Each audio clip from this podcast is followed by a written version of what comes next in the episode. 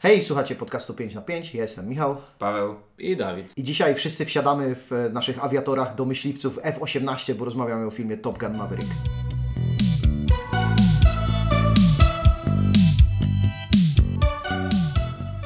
Zacznijmy od przeszłości. Rok jest e, 86, żaden z nas nie żyje. Tom Cruise wjeżdża w te, ten okres największego primu swojej kariery. Pojawia się film Top Gun w reżyserii Tonego Scotta. Jaka jest Wasza historia z filmem Top Gun? Moja jest taka, że ja nie pamiętam jak oglądałem ten film, ale wierzę mojej ocenie na Filmwebie, w sensie pamiętam, że go oglądałem, żadnych specjalnych okoliczności, nie mam żadnego sentymentu do niego. 6 na 10 nie kusi mnie, żeby go sobie powtarzać i celowo go sobie nie powtarzałem przed Maverickiem. Ja mam dwie historie. Pierwsza jest związana z tą piosenką Berlina, która jest jedną z pierwszych pio- piosenek, które usłyszałem w ogóle w życiu. My Heart Will Go On, oczywiście. No, oczywiście mówimy o My, Heart Will Go On z doskonałym wokalem Phila Collinsa. Bardzo lubiłem tę piosenkę, ona za każdym razem, kiedy ją słyszę, przywołuje pewne miłe wspomnienia z mojego dzieciństwa, natomiast sam film zobaczyłem mając lat dopiero dwadzieścia kilka, w zasadzie 3 albo 4 lata temu. Na jakimś Polsacie, bo był, więc stwierdziłem, że se nadrobię. No i był taki, no fajny, taki fajny, taki, taki fa- fajny film zobaczyłem, nie zobaczę go więcej. Ja powiem tak, na pewno nie widziałem go w tych czasach, kiedy on właśnie był tam wyświetlany w jakiejś telewizji i miałem na celu po prostu nadrobienie go, chociaż niespecjalnie mi się spieszyło, ze względu na to, co też pojawi się później w konwersacji, dla których nie jestem pewnie aż tak podjarany Top Gunem Maverickiem, jak powinienem być, czyli trochę samoloty mnie nie, niespecjalnie obchodzą, ale mówię, dobra, no jest to jakiś klasyk, staram się tę filmografię Tonego Scotta uzupełnić i obejrzałem to w ostatnim pięcioleciu, no i uważam, że to jest całkiem słaby film. W sensie, jakby rozumiem, e, skoro, skoro jakby nie podeszła mi pewna akcja i, i sposób jakby montowania tego filmu, tak naprawdę największy highlight miałem na samym początku, bo zaczyna się od razu od najlepszej piosenki ever, czyli od Danger Zone. Jest ta, te sceny z, lotnis, z lotniskowców, gdzie nikt jeszcze ze sobą nie rozmawia i tylko w pięknym zachodzie słońca lądują sobie samoloty, co jest zresztą też oddane A w mówimy Mavericku. już o Mavericku, tak? Nie, no mówimy o pierwszej części, bo A, pierwsza okej. część się z- zaczyna dokładnie tak samo. A, no, no bo, bo chciałem powiedzieć, że Maverick w sumie bardzo szybko ewokuje to poczucie, że jesteśmy w retro klimacie, nie? Tak, ale to jest bardzo celowe zagranie, które mówi: hej, jesteśmy w tym samym świecie, ale to jest pierwszy raz, kiedy będziemy pożyczać tak bezczelnie, bo resztę, wszystkie elementy widzimy, które mogłyby być dobre i wszystkie jesteśmy w stanie podkręcić do tego poziomu wyżej, nawet wykorzystując takie bardzo podstawowe i powiedziałbym podręcznikowe metody scenariuszowe. Ścieżka dźwiękowa jest bardzo mocno inspirowana, color grading jest, jest w zasadzie identyczny, w związku z czym no, ten film nie udaje, że się jakkolwiek będzie próbował odcinać od pierwszej części, no tylko, że pewne rzeczy robi inaczej, nie? Ale jakby wracając jeszcze do tego, czym jest pierwsza część i jaka ona jest, to ta cała teoria, czy tam ta, ta, ten sposób czytania tego filmu, że to jest film tak naprawdę o napięciu homoerotycznym pomiędzy e, pomiędzy postaciami Mavericka i Icemana. No ja bardzo mocno ją subskrybuję, bo to, to bardzo mocno jest w tym filmie, nie? Ta, ta pani, która tam ma tę plerezę z lat 80., której nazwiska nie pamiętam, ona jest w zasadzie niepotrzebna temu filmowi. Mówisz o Kelly McGillis? E, Właśnie o niej, tak. Dodajmy tylko oczywiście, że najsławniejszą tezę wytoczył nasz e, ulubieniec Quentin Tarantino w filmie e, Sleep With Me bodajże, w którym ch- chyba tak się nazywa ten film. W każdym razie jest tam ta taka scena, gdzie on stoi i rozmawia z kolesiem i takim bardzo zaangażowanym głosem opowiada właśnie o tym, czym jest Top Gun, czyli właśnie ta teoria, którą podajesz. To ja tylko jeszcze powiem, że wydaje mi się, że masz pewne mylne wyobrażenie o tym, dlaczego ja na przykład jestem bardzo za Maverickiem, bo ja byłem dosyć sceptyczny, jeśli o to chodzi, gdyż odrzutowce mnie wcale, i, czy tam myśliwce i samoloty, nie? To nie jest mój środek transportu, zresztą w ogóle nie wiem, czy mam ulubiony środek transportu w kinie. W kinie najlepiej pieszo jednak mimo wszystko. Wydaje mi się, że bieganie, jakby, dlatego lubię Toma Cruza, ale, ale jednak środki transportu nie, więc film o odrzutowcach byłem dość sceptyczny. A, ale no, no, ale już jak, jak już zdradziłeś, jestem bardzo na tak. Ja, ja nie mam tak, że te odrzutowce mi coś robią bardzo pod względem estetycznym. W sensie wiem, że są ludzie, którzy lubią maszyny po pierwsze ze względów czysto estetycznych, a po drugie ze względów powiedzmy, że e, inżynieryjnych. Ja po prostu lubię oglądać na Instagramie filmiki, które są z fighter jetów. E, Tam jest taki francuski pilot, który wrzuca bardzo często i lubię ten content, bo to fajnie wygląda, jak, jak ta ziemia szybko zapierdala i chmurki. Natomiast to też nie jest powód, dla którego ja w ogóle poszedłem na ten film. To be honest, w ogóle nie miałem hype'u na niego. Przed... Yep. Posz- Poszedłem, bo, bo nagrywamy. Ale, ale to jest prawda i ja też chciałbym jakby on nie odebrał, to, to że jest o samolotach i tak dalej, to to nie odebrało mi jakby żadnej przyjemności z tego, jak, jak oglądałem, tylko no, to jest ten po prostu element, który zabronił mi dojść do momentu, w którym mówię, o kurwa, to jest nieprawdopodobne, bo, bo jednak większość czasu spędzamy na ekranie gdzieś tam z tymi samolotami, no wiadomo, że jest ten aspekt, który mnie tak nie do końca wciąga, obojętnie jak on będzie zaprezentowany, no to gdzieś będę miał jakąś tam pewną, pewną barierę, chociaż, chociaż Maverick robi tak dużo, po to, żeby mnie przekonać, jakie to jest cool, jakie to jest fajne, jakie one są opływowe, jak one fajnie latają, ile mają możliwości, że jest był bardzo blisko tego, żeby w pełni mu się t- udało mnie przekonać. Ja, ja bym wszedł, bo tak y, poruszamy się naokoło, wejdźmy może już w, w samego Mavericka, ale nawiązując, poprawcie mnie, bo jesteście świeżej z pierwszym Top Gunem. Em, Pierwszy Top Gun mam wrażenie jest bardzo strukturalnie taki cięty, to znaczy pamiętam, że na końcu pojawia się jakiś taki konflikt na śmierć i życie, który jest trochę z dupy. Yep. E, Natomiast tutaj strukturalnie jest bardzo elegancko, bo od początku mamy powiedziane, jest bardzo ładne wprowadzenie postaci Mavericka, który jest tam ciągle tym kapitanem, co w napisach jest komandorem i ja nie wiem, czy tutaj tłumaczenie Wydaje mi się, że stopnie wojskowe w amerykańskiej marynarce... są inne niż w Polsce i dlatego? Tak. Ale wróćmy jeszcze, e, jeszcze trochę dalej, bo tak jak mówisz, film zaczyna się od tego, że Maverick nadal sobie żyje. Nie idzie mu w wojsku tak dobrze karierowo, jak mogłoby iść, bo nie chce się podporządkowywać zasadom. Wydaje mi się, że jemu świadomie nie idzie, bo Tak. on po prostu chce zostać na ziemi, znaczy chce zostać w powietrzu, a nie, nie na E, ziemi. Tak nie? jest. E, I bije najpierw e, jakiś rekord machów e, po to, żeby utrzymać jakiś projekt, no i oczywiście przesadza, rozbija się, sprzedaje tekst w kawiarni, na który dziecko, pytając, na, na pytającego Toma Cruza, gdzie jestem, dziecko mu odpowiada na ziemi, which jest haha, ale, ale okej, zadziałało. No i potem okazuje się, że zostaje wezwany do programu Top Gun ze względu na to, że niezidentyfikowana siła polityczna albo narodowa ma jakiś wzbogacany uran, Tak który- nielegalne, w, Y, wbrew tutaj natowskim obostrzeniom, no. Ja tylko chciałem wrócić, bo, przed chwilą mówiliśmy o napisach i powiedziałeś, że o, o machach Mhm. i jest, że tam w napisach mamy, że 5, 6, 7 machów Mhm. i to jest generalnie błąd, bo mówi się, że prędkość jest 3 mach na przykład, albo Aha. mach 3. To nie jest słowo, które się, odmienia, które się odmienia, tak samo jak nie mówi się, nie wiem, stopnie Kelvina, tylko się mówi Kelwiny, Ym, więc, więc tutaj istnieje Przyciąga ryzyko... prędkość 10 mach. Tak, istnieje ryzyko, że jak ktoś się walnął na tym etapie, to może mógł się walnąć też tym, wiesz, kapitanem, komandorem czy whatever. A, to są takie rzeczy, że... Ja... Co prawda zwiastuny pewnie tłumaczy ktoś inny, ale w zwiastunach też już, w zwiastunie Mavericka też są takie rzeczy typu Hondo, który mówi and we're off, co można przetłumaczyć jako i wystartowaliśmy, czy tam startujemy, a w napisach jest i po nas. A, No. okej. O- Off with your head. A ten, ja tak się zastanawiałem, czy jego stopniem nie jest po prostu Maverick, nie? Bo, bo, Tak, właśnie tak. No ale to, to, to wracając, cały film jest zasadniczo treningiem, znaczy montażem treningowym, bo prowadzi nas do tej misji w niezidentyfikowanym kraju, która jest bardzo trudna i trzeba wezwać top y, pilotów, żeby ją wykonali, ale i tak ich trzeba wyszkolić. No i jest po pierwsze konflikt, kto będzie szkolił najlepszych pilotów, skoro oni są najlepsi. No a po drugie, czy to się w ogóle da wykonać? No a po trzecie, wszyscy lubimy Gwiezdne Wojny Nową Nadzieję, więc Aha. otwórzmy atak na Death Star. to nie jest jakieś tam światłe porównanie Nie do, jest, do, bo do, podobno bo w ogóle Top Gun się inspirował tym samym filmem, którym się inspirowała Nowa Nadzieja. To jest jakiś wojenny film z 55 roku. bodajże. Działa na warony. Nie, zmyślam oczywiście, ale, e, ale to jest jedyna taka wojskowa, porządna książka, którą przeczytałem. Natomiast e, tak, dokładnie tak jak opowiadasz, to jest montaż i dla mnie, dla mnie największe bity tego filmu spadają na to, że to jest film sportowy. On mi się cały czas kojarzył z filmem Najlepsi z Najlepszych z Ericiem Robertsem z lat 90.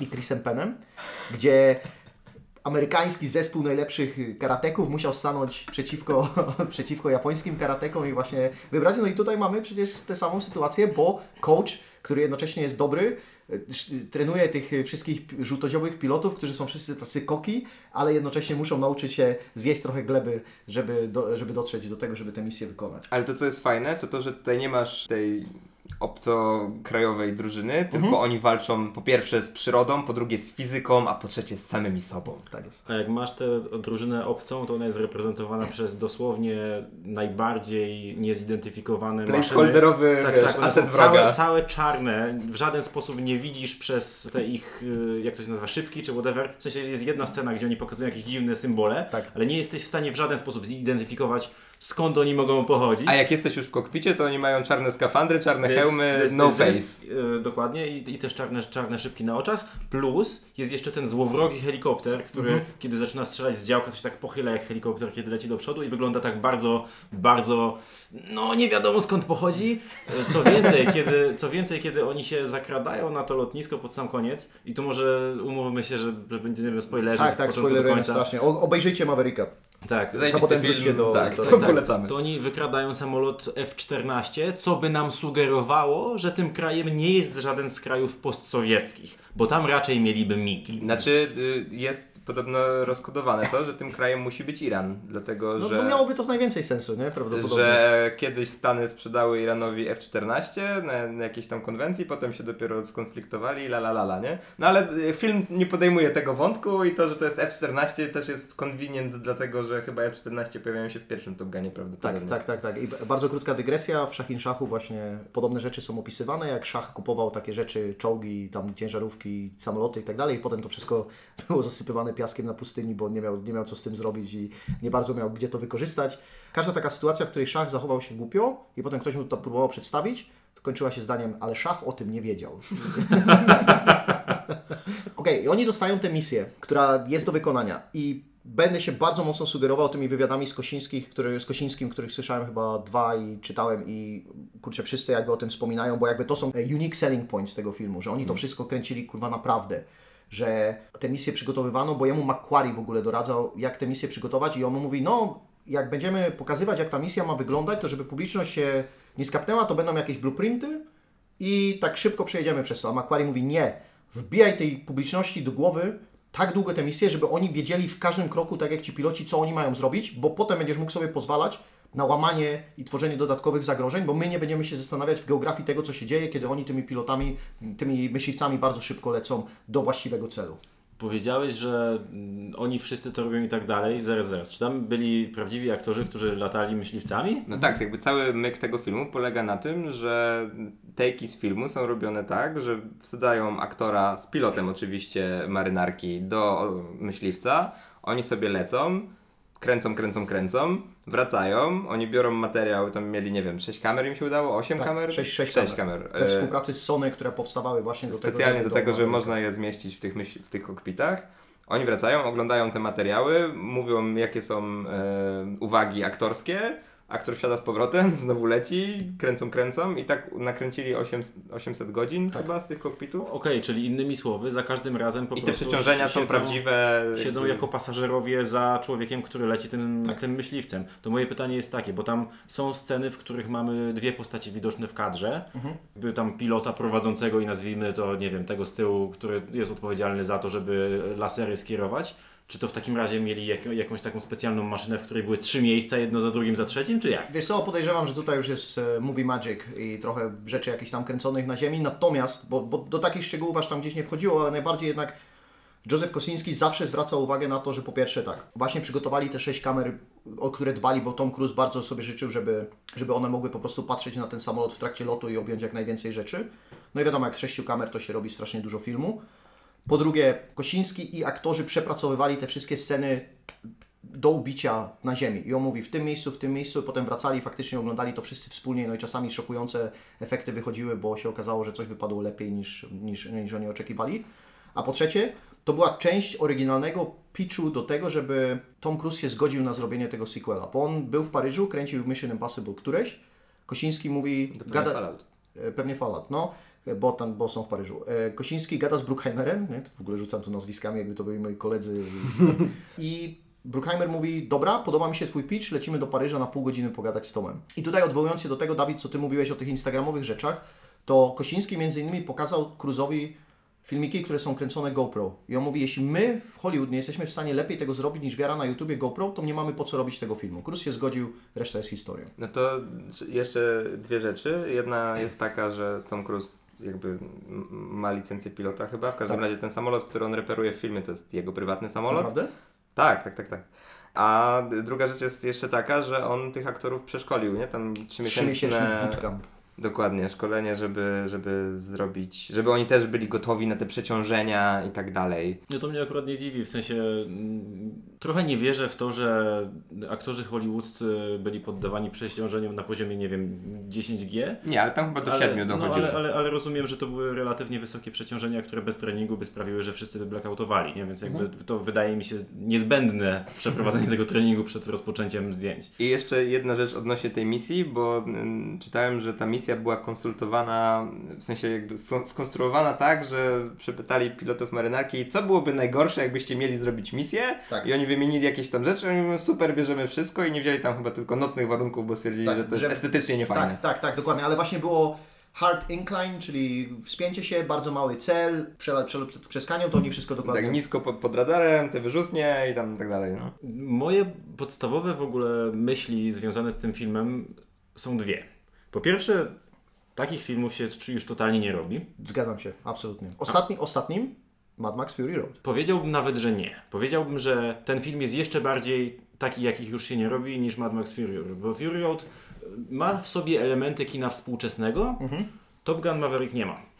To, Top Gun Maverick moim zdaniem jest bardzo wierny takim, nie, nie chcę powiedzieć staro hol- hollywoodzkim o rzeczach, które powstawały 40 lat temu, nie? ale takiemu kinu, które się robiło w, w drugiej połowie XX wieku, przez, przez wzgląd na, na minimalizację mm, fabuły, i ekstremalne przyciśnięcie patosu, który w tym momencie patos jest bardzo źle postrzegany. Nie?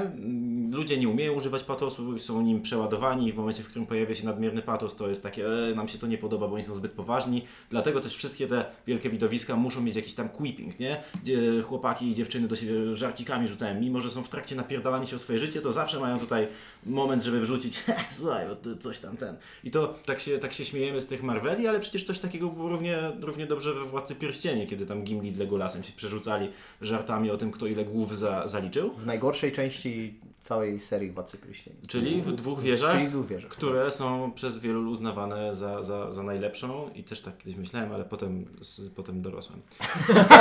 Mm, Anyways, no zmie- zmierzam do tego, że te wszystkie takie bardzo proste środki są po prostu bardzo dobrze wykorzystane. On jest, to, jest, to jest prosty film, który te proste rzeczy robi w bardzo dobry sposób. To ja bym się zgodził i nie zgodził, bo oczywiście nie jest to nowa myśl, że takich filmów się już nie robi i też jest ten wątek, czy Tom Cruise jest ostatnim takim oldschoolowym gwiazdorem kina. Last Action Hero. Ale z drugiej strony wydaje mi się, że jednak właśnie przez to, że mówimy o Tomie Cruzie, no takie filmy się robi. Ja bym i Mad Maxa w to włączył i jednak nowe Mission Impossible, bo to co ja widzę to jest, w sensie Mission Impossible też ma patos taki nie przełamany humorem. Co? Naprawdę? Widziałeś Fallout? No jest, są, są te takie... No Fallout jest bardzo na poważnie no zdaniem. powie, powiedziałbym, że, że tak, jest, jest troszeczkę śmieszków, ale dużo jest... e, Wiesz, jak film się zaczyna od szpiega, który mówi tam Storm calls to the to warrior, nie, czy coś tam, Wind calls to the warrior, storm is coming and the warrior whispers back, I am the storm. Mhm. I to jest na Okej. poważnej twarzy, Tom Cruise odbiera teczkę, dostaje misję, wiesz, zero śmieszków, no to I, I tam są jeszcze te, wiesz, te rzeczy na końcu. Michelle Monaghan jest w tym obozie uchodźcom, pomaga i ona potem O Jezu, jak genialna ten, scena. I ten, I ten hand jest dobry. I... Ale y, wracając do Toma Cruza i tego, że takie się rzeczy nie robi, wydaje mi się, że nie robi się w takim sensie, że Tom Cruise y, też jako producent dba o to, żeby te rzeczy naprawdę się działy, nie? Że to jest analogowe kino jednak. Nawet jeżeli jest tam kręcone cyfrowo. Ale jednak te rzeczy faktycznie, ci aktorzy siedzą w tych kokpitach, oni naprawdę latają, ten Tom Cruise naprawdę te przeciążenia znosi i korzystają z pomocy wojska, co nie jest jakieś tam odkrywcze, bo Transformery też to robią, ale, ale no tak się raczej kręciło filmy jeszcze w XX wieku. Przeciwstawiamy to na przykład, nie wiem, doktorowi Strange'owi, gdzie największym poświęceniem aktora jest to, że wyhodował sobie brodę do, do drugiej części i fani się podniecają, że o, ale poświęcenie dla roli, nie? Jest, jest takie... No, a tutaj masz aktorów, którzy jakby znoszą jakieś takie harde rzeczy i wszyscy tam żygają, bo jednak te przeciążenia nie jest to błaha sprawa.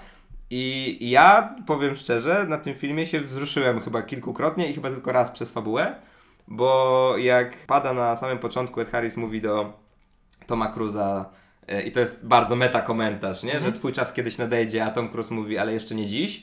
No to to jest dokładnie komentarz o tym, kim jest Tom Cruise dzisiaj w kinie i że jego czas niechybnie się zbliża do końca, ale to jeszcze nie jest ten moment. Ale jeszcze, jeszcze będziemy mieli, pog- pogadamy o Tomie Cruise, ale będziemy mieli jeszcze ten fajny jego etap kariery, ten taki nazwijmy ostatni, nie?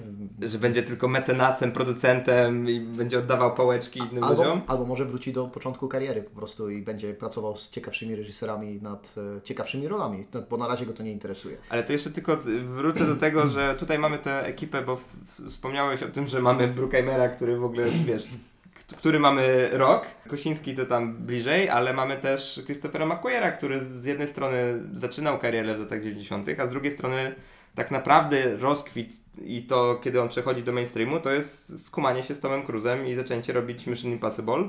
I też to widać, że to są ci sami goście, to jest ta sama ekipa, nie? Bo w ogóle jak jest ta pierwsza scena i Tom Cruise zakłada hełm do tego mm, swojego samolotu, w którym ma zrobić 10, y, Mach 10 i ten hełm ma takie LEDy jakieś oświetlające dobrze twarz, to stwierdziłem, hmm, czy to jest prawdziwy hełm, czy to jednak jest rozwiązanie z Mission Impossible Fallout, kiedy opracowali specjalny hełm do tego, żeby dobrze było widać twarze aktorów, kiedy oni robią Halo Jump. Jeszcze z jedną rzeczą wrócę, bo, bo poziom patosu, tak jak, jak sobie przypominam najbardziej patetyczne filmy, które widziałem przez ostatnie 10 lat, to są filmy, które ja bardzo wysoko oceniam, mimo że ja zdaję sobie sprawę z wszystkich ich wad i to są dwa Marvele. Jednym jest pierwszy Kapitan Ameryka, a drugim jest Kap- Kapitan Marvel, nie? Są dwa filmy, które są, nic nie jest obiektywnie dobre albo słabe w świecie tam powiedzmy sztuki o, o, około, Natomiast te dwa filmy ma, można im bardzo wiele zarzucić, co nie zmienia faktu, że tam ten patos jest podbity do takich rejestrów, że ja go już kupuję, nie? To nie jest ten patos na poziomie takim, że y, mi- mid-upper to jest overboard patos, w związku z czym on zrobił już całe okrążenie i mi się już znowu podoba, nie? Wie, mhm. Tak, bo, bo jest jedna osoba w kinie, której to chodzi zawsze, nie? bo to jest Steven Spielberg, który każdy film jest, jest e, absolutnie e, pat, skończonym patosem, bo wiadomo, e, Boże, Bridge of Spies albo The Post, nawet z tych ostatnich Lincoln, to to wszystko też gdzieś tam się okręca około patosu, a wolno się okazało to też zrobić Nolanowi, bo w Dunkierce też, też te elementy się pojawiają. Eastwoodowi też wolno, ale jemu od czasu do czasu ktoś to wypomina. Tak, tak bym powiedział. Ale druga rzecz, którą miałem, to mnie ten film pod kątem tego latania i tak dalej, bo, bo to jest coś, co sposób, w którym mnie y, zwarunkowano do myślenia o tym filmie, zanim do tego przystąpiłem, to ale tam się dzieje tutaj, szy, szy, szybko latałem, pół, pół, pół i tak dalej. To, to było fajne, ale to, to mnie nie kręciło w tym filmie tak bardzo. W tym filmie mnie kręciło to, jacy tam wszyscy są ładni.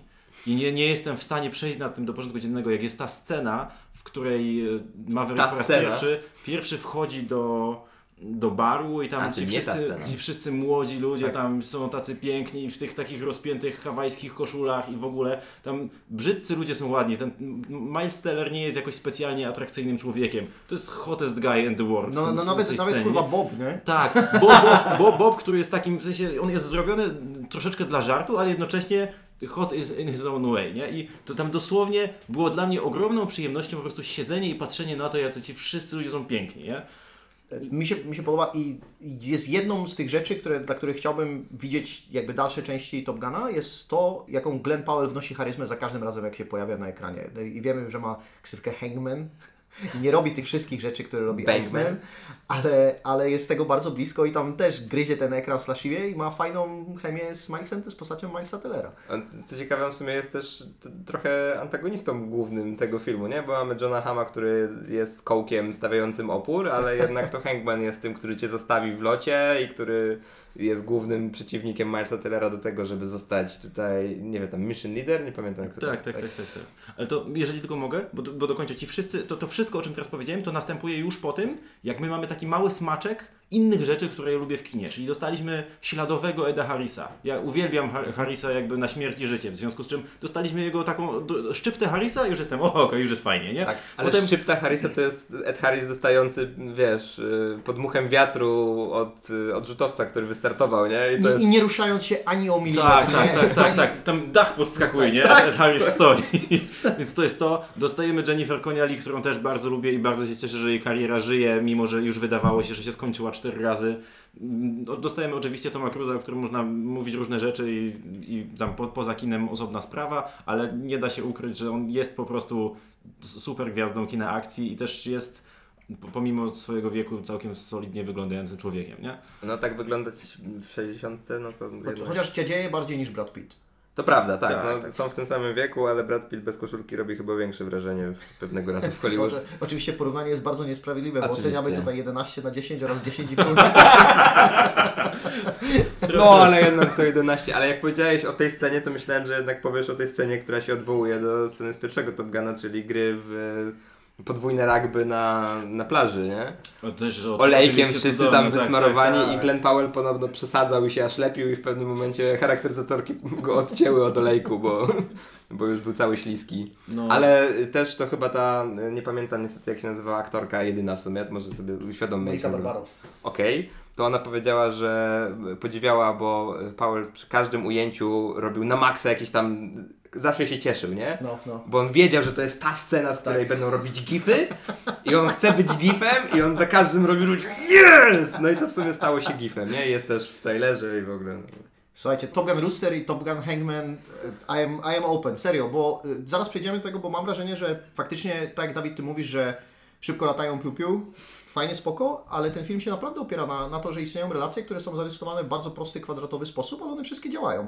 Natomiast wspomniałeś o takiej jednej rzeczy, że mówi, że mało jest zabrane z tego, co się robi w filmach teraz i ja się nie do końca zgodzę, bo ja cały seans miałem wrażenie, że o, oni wzięli wszystkie dobre lekcje z Edge of Tomorrow. Czyli które jest inspirowane grami wideo. I, tak, I tutaj przygotowanie do tego, jak ta misja wygląda i jak ona ma być wykonana, to dla mnie było typowe gry wideo. Jak oni robili ten przelot taki tym 3D, jak wygląda kanion, to mi się to zaraz skojarzyło, jak kiedyś grałem w gry z cyklu Rainbow Six i najpierw rysowałem plan wejścia do budynku moimi, e, moim oddziałem specjalnym i potem oni sobie sami szli, ja mogłem przejąć kontrolę nad jednym i mówię, okej, czaję skąd to jest, no a potem dodatkowe próby, jak w Dark Souls, nie? że trzeba próbować aż się nauczysz, no i na końcu musisz przejść ten ostateczny sprawdzian, czyli wykonać tę misję już na samym końcu, które jest sprawdzeniem tylko tego wszystkiego, co się nauczyłeś w ostatniej chwili. Choć tak, to filmy, w których coś się robi na symulatorach przez jakiś czas, a potem się to wykonuje w rzeczywistości, to też nie jest e, coś, czego teraz jest dużo. Edge of Tomorrow jest, jest fajnym przykładem. Tam akurat te symulatory działają w troszeczkę inny sposób z uwagi na to, jaki, jaki tam jest framing device. Natomiast e, jak, jak sobie myślę o takich filmach, to to raczej są te filmy, które oglądałem na, na Polsacie w latach 90. Albo to są heist, heist movies, które oczywiście na, na sam koniec Cię zaskoczą i Ci pokazują, że, że jednak mimo, że oglądałeś to, jak się przygotowują przez godzinę, to jednak czegoś Ci nie pokazali, nie? No. To ja bym się jeszcze doczepił do tego, bo ja się zgadzam absolutnie z tym, że to jest film, którego się nie robi, natomiast wydaje mi się, że gdyby... Znaczy to jest Top Gun, który zrobiono dzisiaj i widać, że zrobiono go dzisiaj. Wzięto wszystkie lekcje, jakie mamy w 2020 roku, czy tam 19 jeszcze i zrobiono to po prostu jeszcze raz, tylko że lepiej, nie? No i, no i chyba nie ma wątpliwości, że to jest po prostu lepszy film, który wydaje mi się, że no, Top Gun ma swoje miejsce w historii kinematografii, ale myślę, że Maverick spokojnie może sobie usiąść obok niego i zobaczymy, kto wygra to starcie. To zadam to takie bardziej generalne pytanie. Co powstrzymuje kino przed tym, żeby nie korzystać z tych teoretycznie prostych schematów, które jak się, jak się okazuje robią film, który w pierwszy weekend zarabia 250 milionów dolarów? Ale myślisz, że mm, schematy robią ten film, czy to, że... Jestem, jestem W sensie schematy fabularne. Schematy fabularne, schematy tego, jak się podchodzi scenariuszowo do tego, jak przedstawione jest to, co się będzie działo. Bo mówię, to jest dosłownie na motywy filmu sportowego, a film, filmy sportowe zaniknęły w jakiś sposób, tak jak zaniknęły te takie klasyczne filmy akcji. Powiedziałbym, że moda. To znaczy, teraz kręci się filmy w jakiś konkretny sposób, pod kątem scenariuszowym i pod kątem tam inscenizacyjnym, nie? To wiadomo, że jest zdominowane przez pewną dużą franczyzę komiksową. Kiedyś ro- fil- filmy, i i to jest metoda na zarabianie pieniędzy. Te pojedyncze takie perełki, które nam się podobają, one nam się podobają oczywiście dlatego, że tutaj wy- wy- wyjęto akcje, tam lekcje, etc., etc., ale one nam się podobają między innymi z tego powodu, że to jest oddech świeżego powietrza. I gdybyśmy dostali takich Mavericków 10 na przestrzeni dwóch lat, to już by nam się tak bardzo nie podobał. Mam inny trochę kąt podejścia do tego pytania, bo nie wydaje mi się, że jednak to schemat fabularny go sprzedaje, bo schemat fabularny jest taki faktycznie, jaki gdzieś skończyło się robić na początku lat 2000, nie? Kiedy ustąpiliśmy, nie wiem, taśmowej produkcji Marvela może, ale to, co sprzedaje ten film, to jest jednak ta rzemieślnicza robota Tak. i to, że ta akcja cię rusza, nie? Bo dzisiaj przypuszczam, że jest dużo filmów, które by działały, gdyby pozwalały ci na to zawieszenie niewiary i przeniesienie cię w ten magiczny świat. I to jest to, dlaczego ja się wzruszam na tym filmie, bo ja wierzę, nie? Bo to jest ta magia kina. To znaczy to, że ci, że ja widzę, że, że ci aktorzy w tych kokpitach to jest tak za bardzo realne i nie widzę tam CGI-a, mimo że zespół.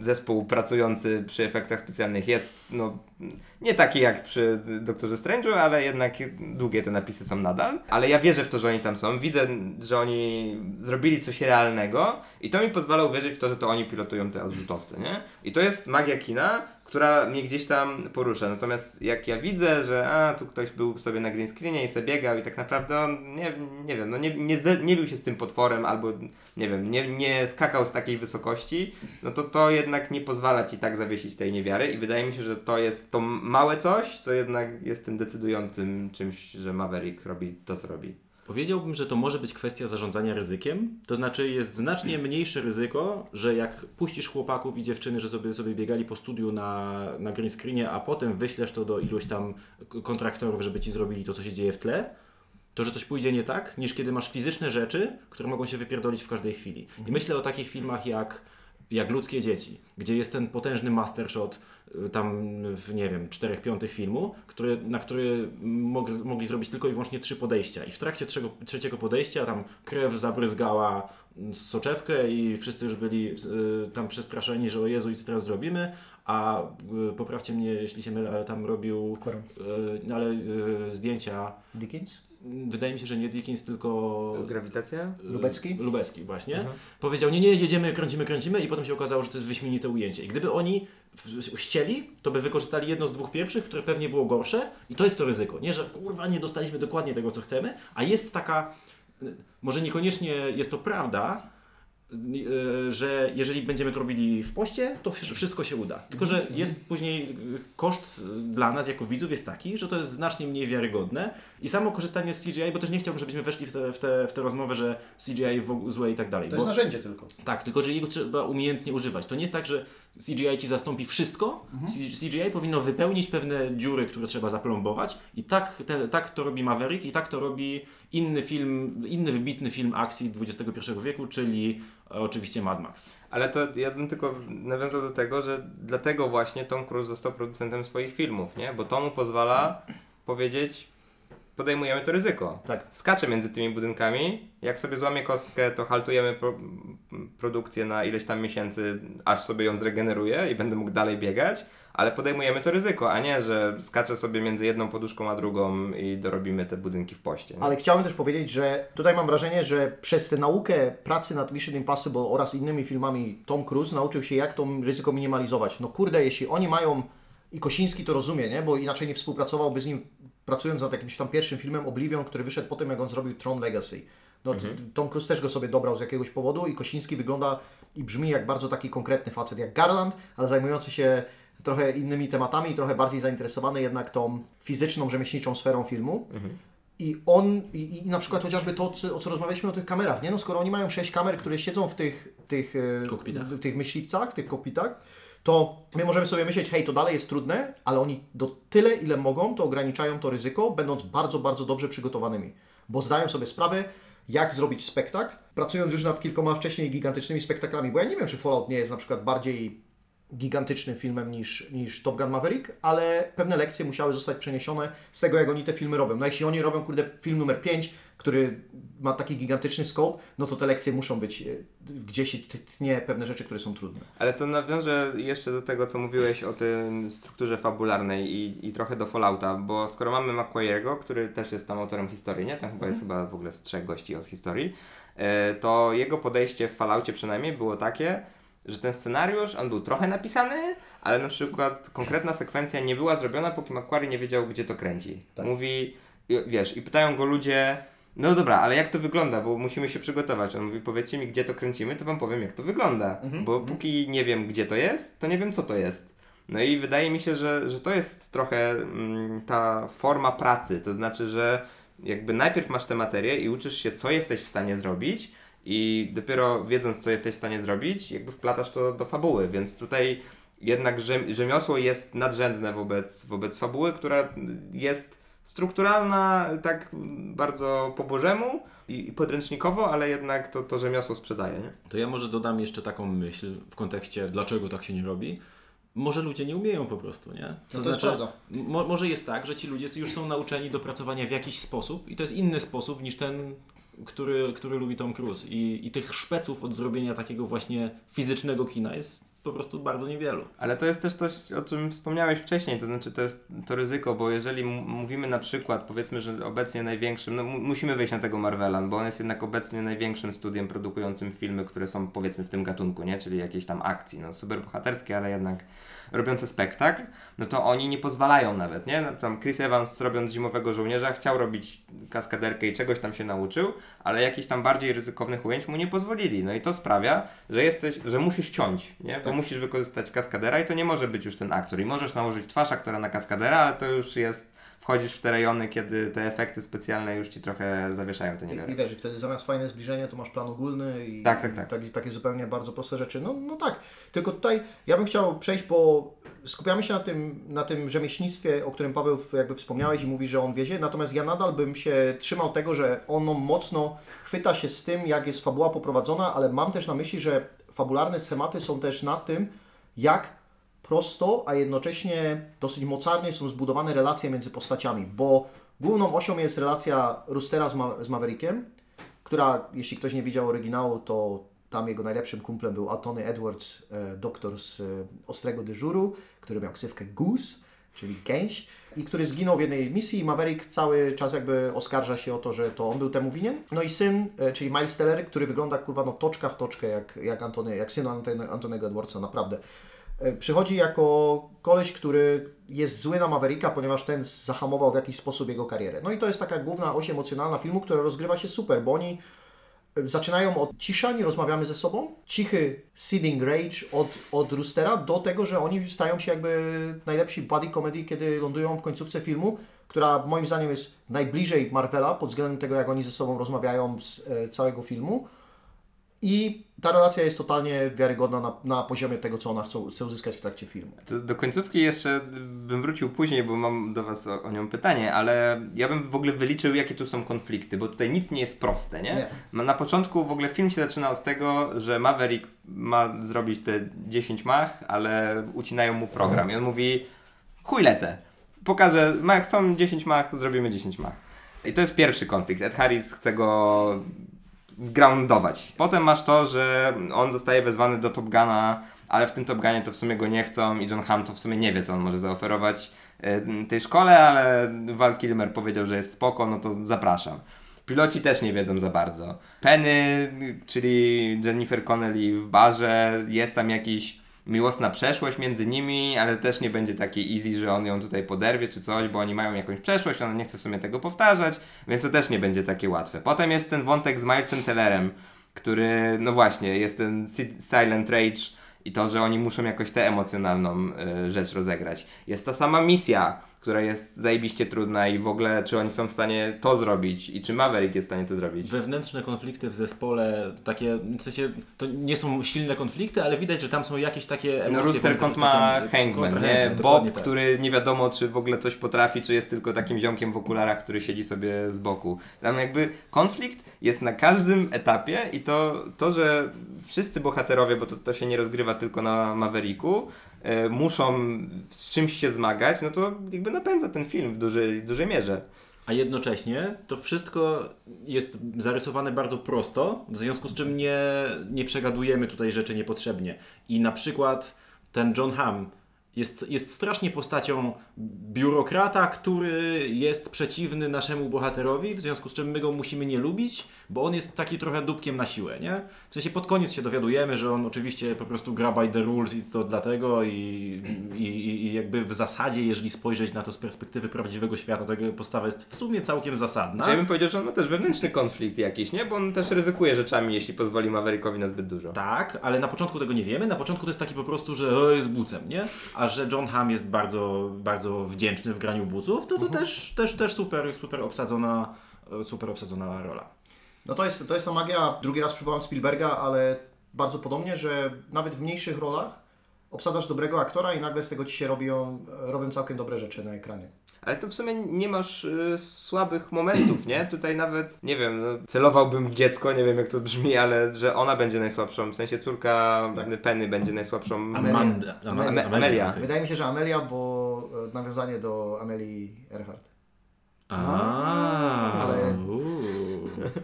No to nawet ona jest tutaj, ma chyba taki jeden zapamiętywalny tekst do Cruza, czy tam, nie wiem, tylko nie spraw, żeby płakała? Tak, nie złam, tak, tak. nie złam jej serca serca. ponownie. Po raz drugi, no, no więc nawet, nawet, no i, znowu, nie, wracamy do tej relacji, no tutaj też jest konflikt.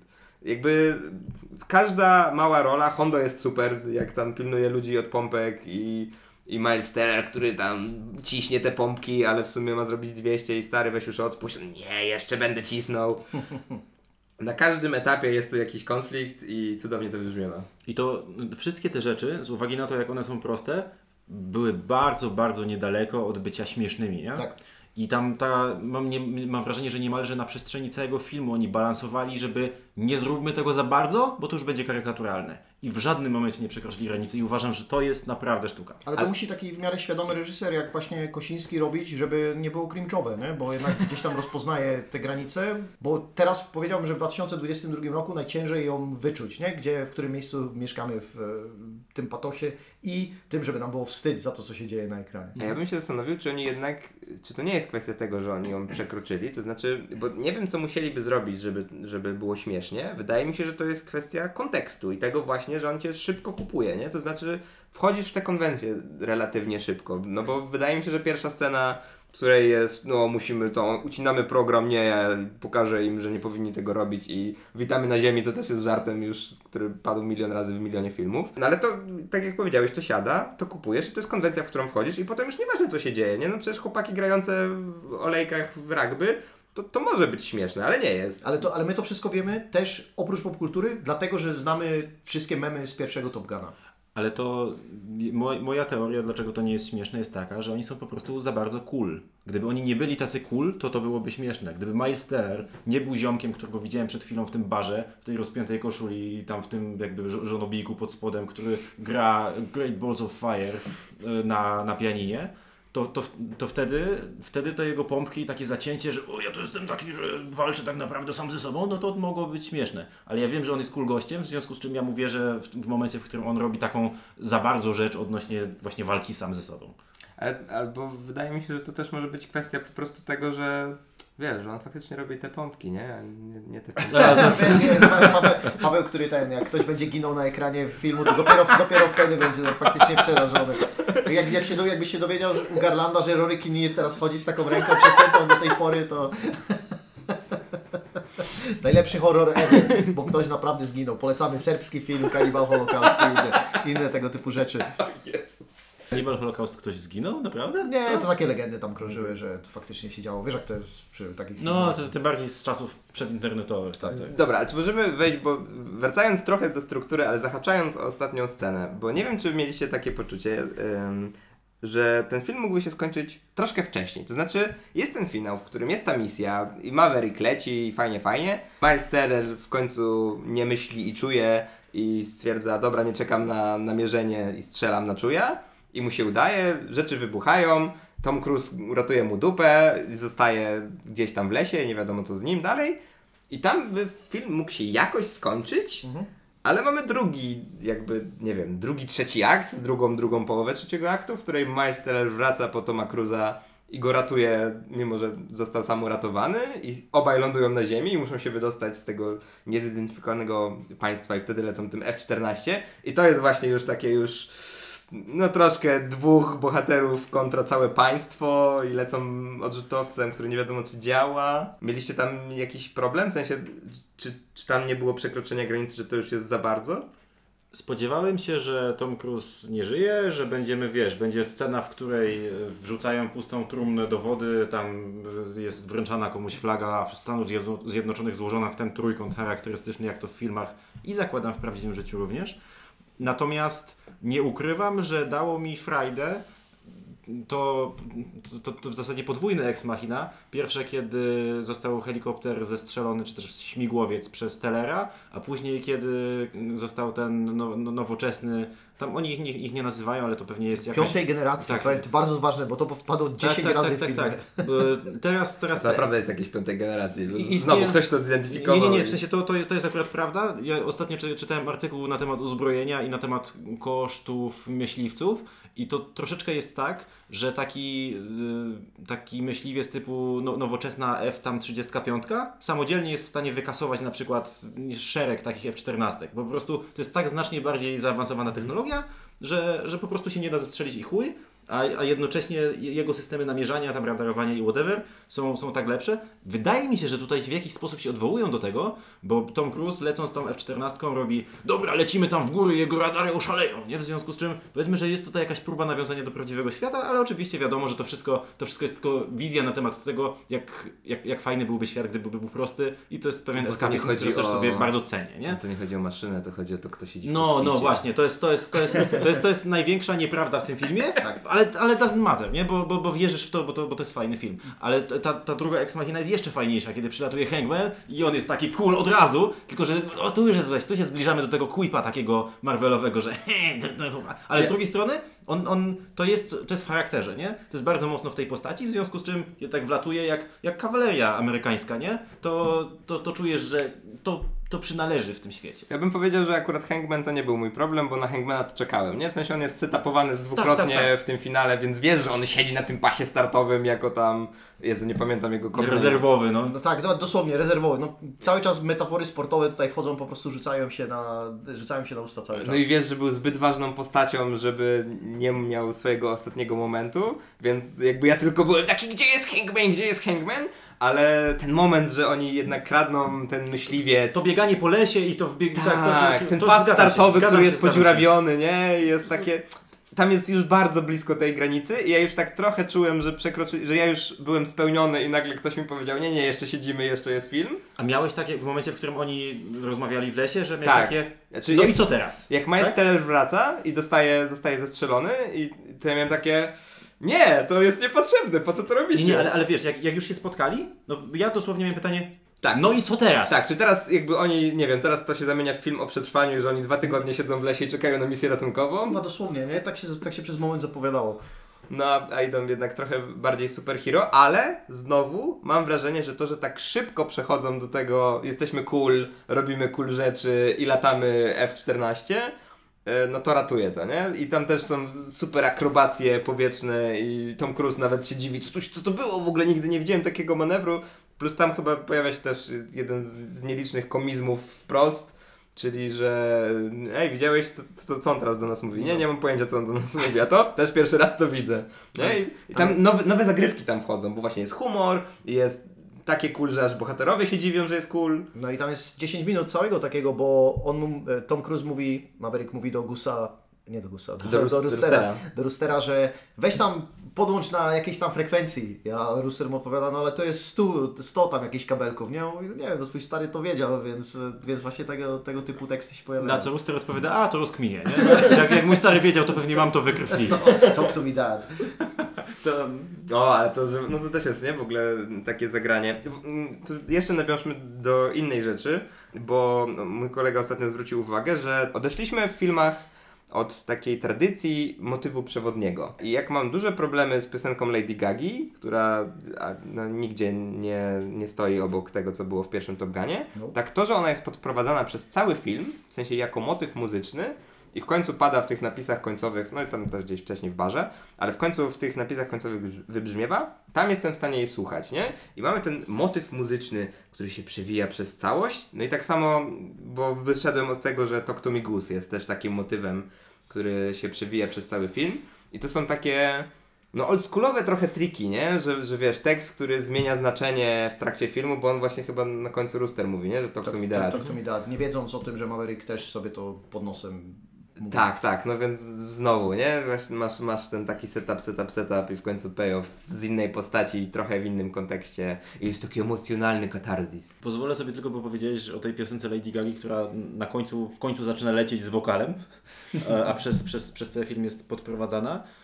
I powiem szczerze, że pierwszy moment, w którym ten film mnie kupił, to były napisy początkowe Bo wtedy zobaczyłem wszystkie nazwiska, które są zaangażowane. No. I miałem tak, miałem, o, okej, dobra, w sensie, że Tom Cruise będzie, nawet nie wiem, czy on jest w tych początkowych napisach, mogłem to pominąć, nie? Na, na bank jest. Ale Wydaje mi się, że w paru miejscach. mamy tego, pierwszego Milesa Tellera i mam takie, o, okej, dobra, dawno Cię nie widziałem, spoko, fajnie, fajnie. Mamy Eda Harrisa, mówię, o, o, super, super. Mamy Jennifer Connelly, jestem, o, super, super. Mamy Johna Hama, mówię, o, o Jezu, o Jezu, ale fajna obsada, o, już, już, chyba będzie fajny film, coś tam, coś tam. Potem mamy tę muzykę i widzę Lady Gaga i mówię, o, o, zajebiście, zajebiście, sami fajni ludzie. Jeszcze na koniec jeszcze mamy produced by Jerry Bruckheimer, mam takie, damn, to, to, to są dobre napisy początkowe, chcę zobaczyć ten film, I jak wjeżdża to oldschoolowe logo, jak się te dwa pioruny spotykają w jednym miejscu, ten Bruckheimer i Simpson, tak? Czy Samson, czy... One od początku jakby wskazują Ci, trochę mało filmów już to robi, że od początku Ci zapowiada, nie? W którym miejscu się za chwilę znajdziesz emocjonalnie i wrażeniowo. Ja myślałem, że powiesz o tym, że Hans Zimmer jednak, bo... No to ja Hansa Zimmera to tak niespecjalnie, w sensie uważam, że on jest na dobrym strychu przez ostatnie 10 lat i że się bardzo rozwinął, ale, Ale, nie też, jest że, jakimś ale też mówisz, że robi zawsze tę samą muzykę. Czy to była taka sama muzyka Hansa Zimmera? Bo ja bym powiedział, że jednak spróbował czegoś innego. No, no, no Hans Zimmer przez ostatnie 10 lat zrobił znacznie, znacznie więcej różnych rzeczy niż pro, przez poprzednie 25 lat swojej kariery, nie? Okej, okay, fair enough. A w sumie odwołam się do, jeszcze do tego tej końcówki, której mówiłeś. Ona właśnie była tym takim buddy comedy, które wydaje mi się, że była też zasiana bardzo wcześnie, bo wiedzieliśmy jak mało kontaktują się ze sobą Maverick z Roosterem, bo jakby celowo ten jeden ciche dni robił drugiemu. Z drugiej strony mieliśmy bardzo długo zapowiedziane te piątej generacji samoloty i chyba film nie chciał, żebyśmy my widzieli, że o, cały Top Gun będzie się z nimi szczylał, tylko Tom Cruise będzie za to odpowiedzialny, żeby poradzić sobie z nimi, bo to wtedy będzie miało jakby najwięcej sensu. No bo musiałoby być tak, że te piątej generacji z niewiadomymi ludźmi z czarnymi hełmami wystrzeliwują całego Top Guna, a potem Maverick sobie jakoś z nimi radzi, żeby wrócić do, e, żeby wrócić do bazy. No a nie o to do końca chodziło, bo Top Gun niestety Maverick trochę speniał i faktycznie nikogo jakby nie zabił, nie? Gdzie pierwszy Top Gun jakby nie miał przed tym żadnego zahamowania i zrobił z tego taką dużą rzecz, która pozwoliła powstać scenariuszowi drugiego filmu. Ale to w ogóle tak sobie, jak teraz o tym mówisz, myślę, że gdyby film skończył się tam, gdzie ja myślałem, że się skończy, to nie do końca, w sensie trudniejsze byłoby rozwiązanie emocjonalnego konfliktu tego filmu, na którym on się opiera, nie? No bo, bo jednak opierałoby się na postaci yy, Roostera, który musi się pogodzić z tym, że został, że tak, nie wiem, miał wąty do Mavericka, Maverick uratował mu dupsko i on teraz musi jakoś, nie wiem, iść na terapię i to przerobić. A, a tutaj właśnie to, co mówisz, że buddy comedy to się opiera na tym ponownym zestawieniu ich i znowu w bardzo ciasnej przestrzeni, nie? że oni już teraz muszą współpracować, bo inaczej nie mogą nie przeżyć. E, No i faktycznie to, to, to pozwala, no i to, że w końcu e, Rooster może powiedzieć znowu setup payoff, to że on najpierw mówi, że no, to nie zależy od maszyny, tylko od tego, kto siedzi w kokpicie, tylko tym razem to chodzi o Mavericka, w którego on zaczął wierzyć, nie? I też mówi zresztą, no zrób ten jakiś tam pilotowy shit tutaj, Schachermacher. Schachermacher i Tom Cruise mówi, no to się trzyma i tutaj zaczyna robić Schachermacher. No więc, y, więc faktycznie to pozwala temu filmowi się zakończyć, więc ostatecznie wychodzimy z seansu na zadowoleniu, ale jest jednak to, ten niebezpieczny moment w Mavericku, kiedy to mogło pójść bardzo różnie. Jeżeli chodzi o to zabijanie postaci, to mam wrażenie, że to jest nam nawet zasugerowane wcześniej w dialogu, w którym Maverick mówi do Roostera, że pogadamy jak wrócimy. No bo to jest, to jest ewidentny, ewidentny hak na to, że, że nie wrócę, nie? Mm, Albo że ty nie wrócisz, ale raczej patrząc na przebieg, y, że tak powiem, energii pomiędzy postaciami, to raczej ja nie wrócę.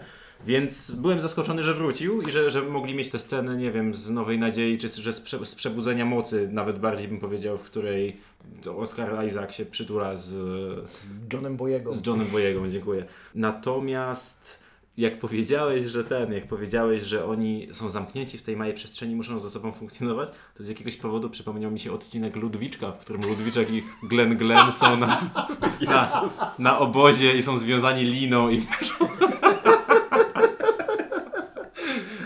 ta relacja. Słyszę, słyszę rzekę. Nie, nie, to na pewno obozowisko. Co to jest rzeka? Nie idźmy tam. Nie, nie, to na pewno obozowisko. I wpadają do rzeki.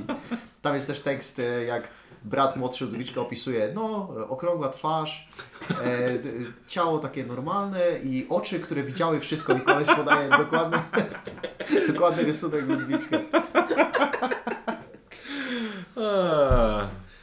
Ale zwróćmy uwagę, że Paweł, wiesz, szukamy takiego miejsca, żeby się gdzieś tam dopierdzielić I wychodzi nam z tego, że, że to i tak jest bardzo dobra scena w filmie, tylko ona może trochę, wiesz, faktycznie gdzieś tam nie pasuje, zwłaszcza dlatego, że te quipy gdzieś tam się też dodatkowo pojawiają, że oni ze sobą rozmawiają takim tym marvelowskim językiem. Oj, nie, nie powiedział. Czy, wiesz, Mają jakby elementy tego nie Marvela. dodawajmy Marvelowi tego, czego nie potrafi robić tak dobrze, aż może. Zależy w których filmach, nie? Bo, To bo prawda, bo- ale co do reguły, nie? No Jakby- jednak tam tak to z... dobrze to wygląda ze względu na to, że Miles Teller jest całkiem niezły w komedię, a Tom Cruise jak jemu robotycznemu umysłowi ktoś wytłumaczy jak, jak to się robi, to też, też potrafi. Ej, ale to okej, to y, czy, czy ja tutaj czuję zarzut do aktorstwa Toma Cruise'a? Tom Cruise jest dobrym aktorem kina akcji, w sensie...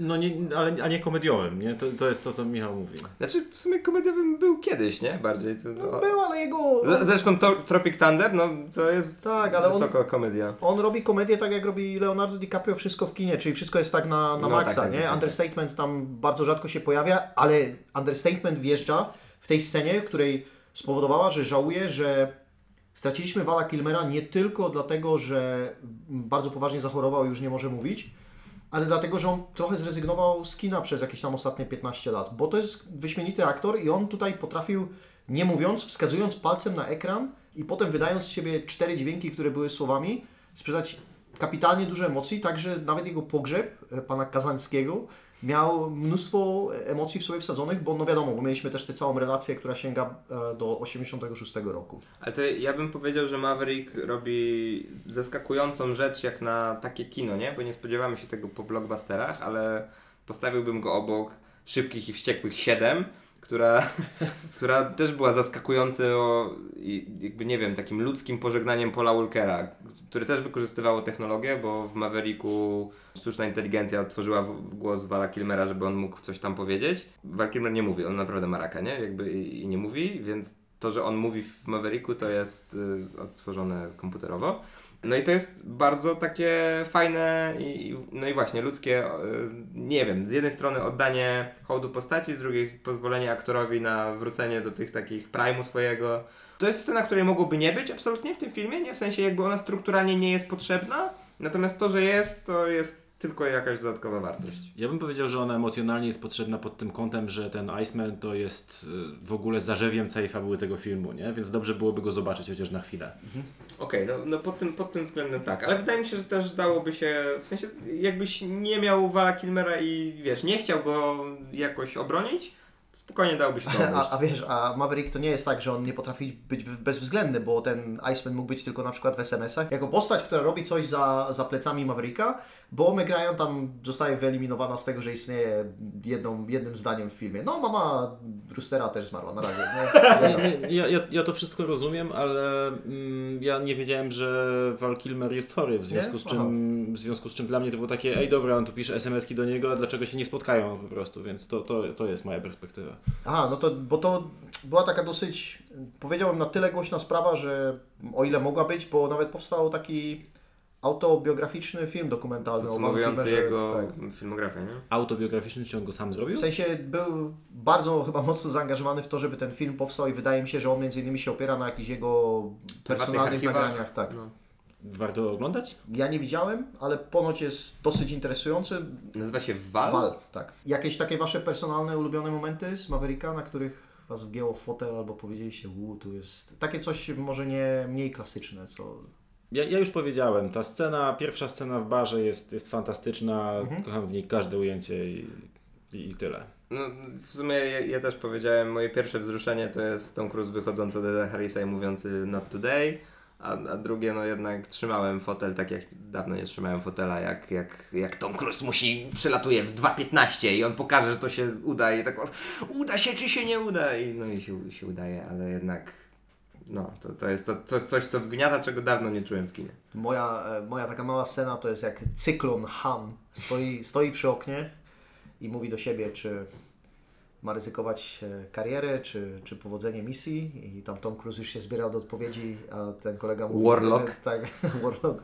Wydaje mi się, że, Pytanie że, tutaj, że, że został, zadał pytanie retoryczne. bardzo ładna scena. A to też jest w sumie bardzo ładne obronienie, wybronienie postaci Hama, nie? Który, tak, który jest hamem przez większość filmu, a potem się okazuje też być człowiekiem. Okazuje się mieć serce później. Ja sobie myślę, że jest jedna rzecz, której my tu nie poruszamy, która jest bardzo ważnym elementem ekosystemu tego filmu, czyli to, jakie oni mają wykręcone ksywy.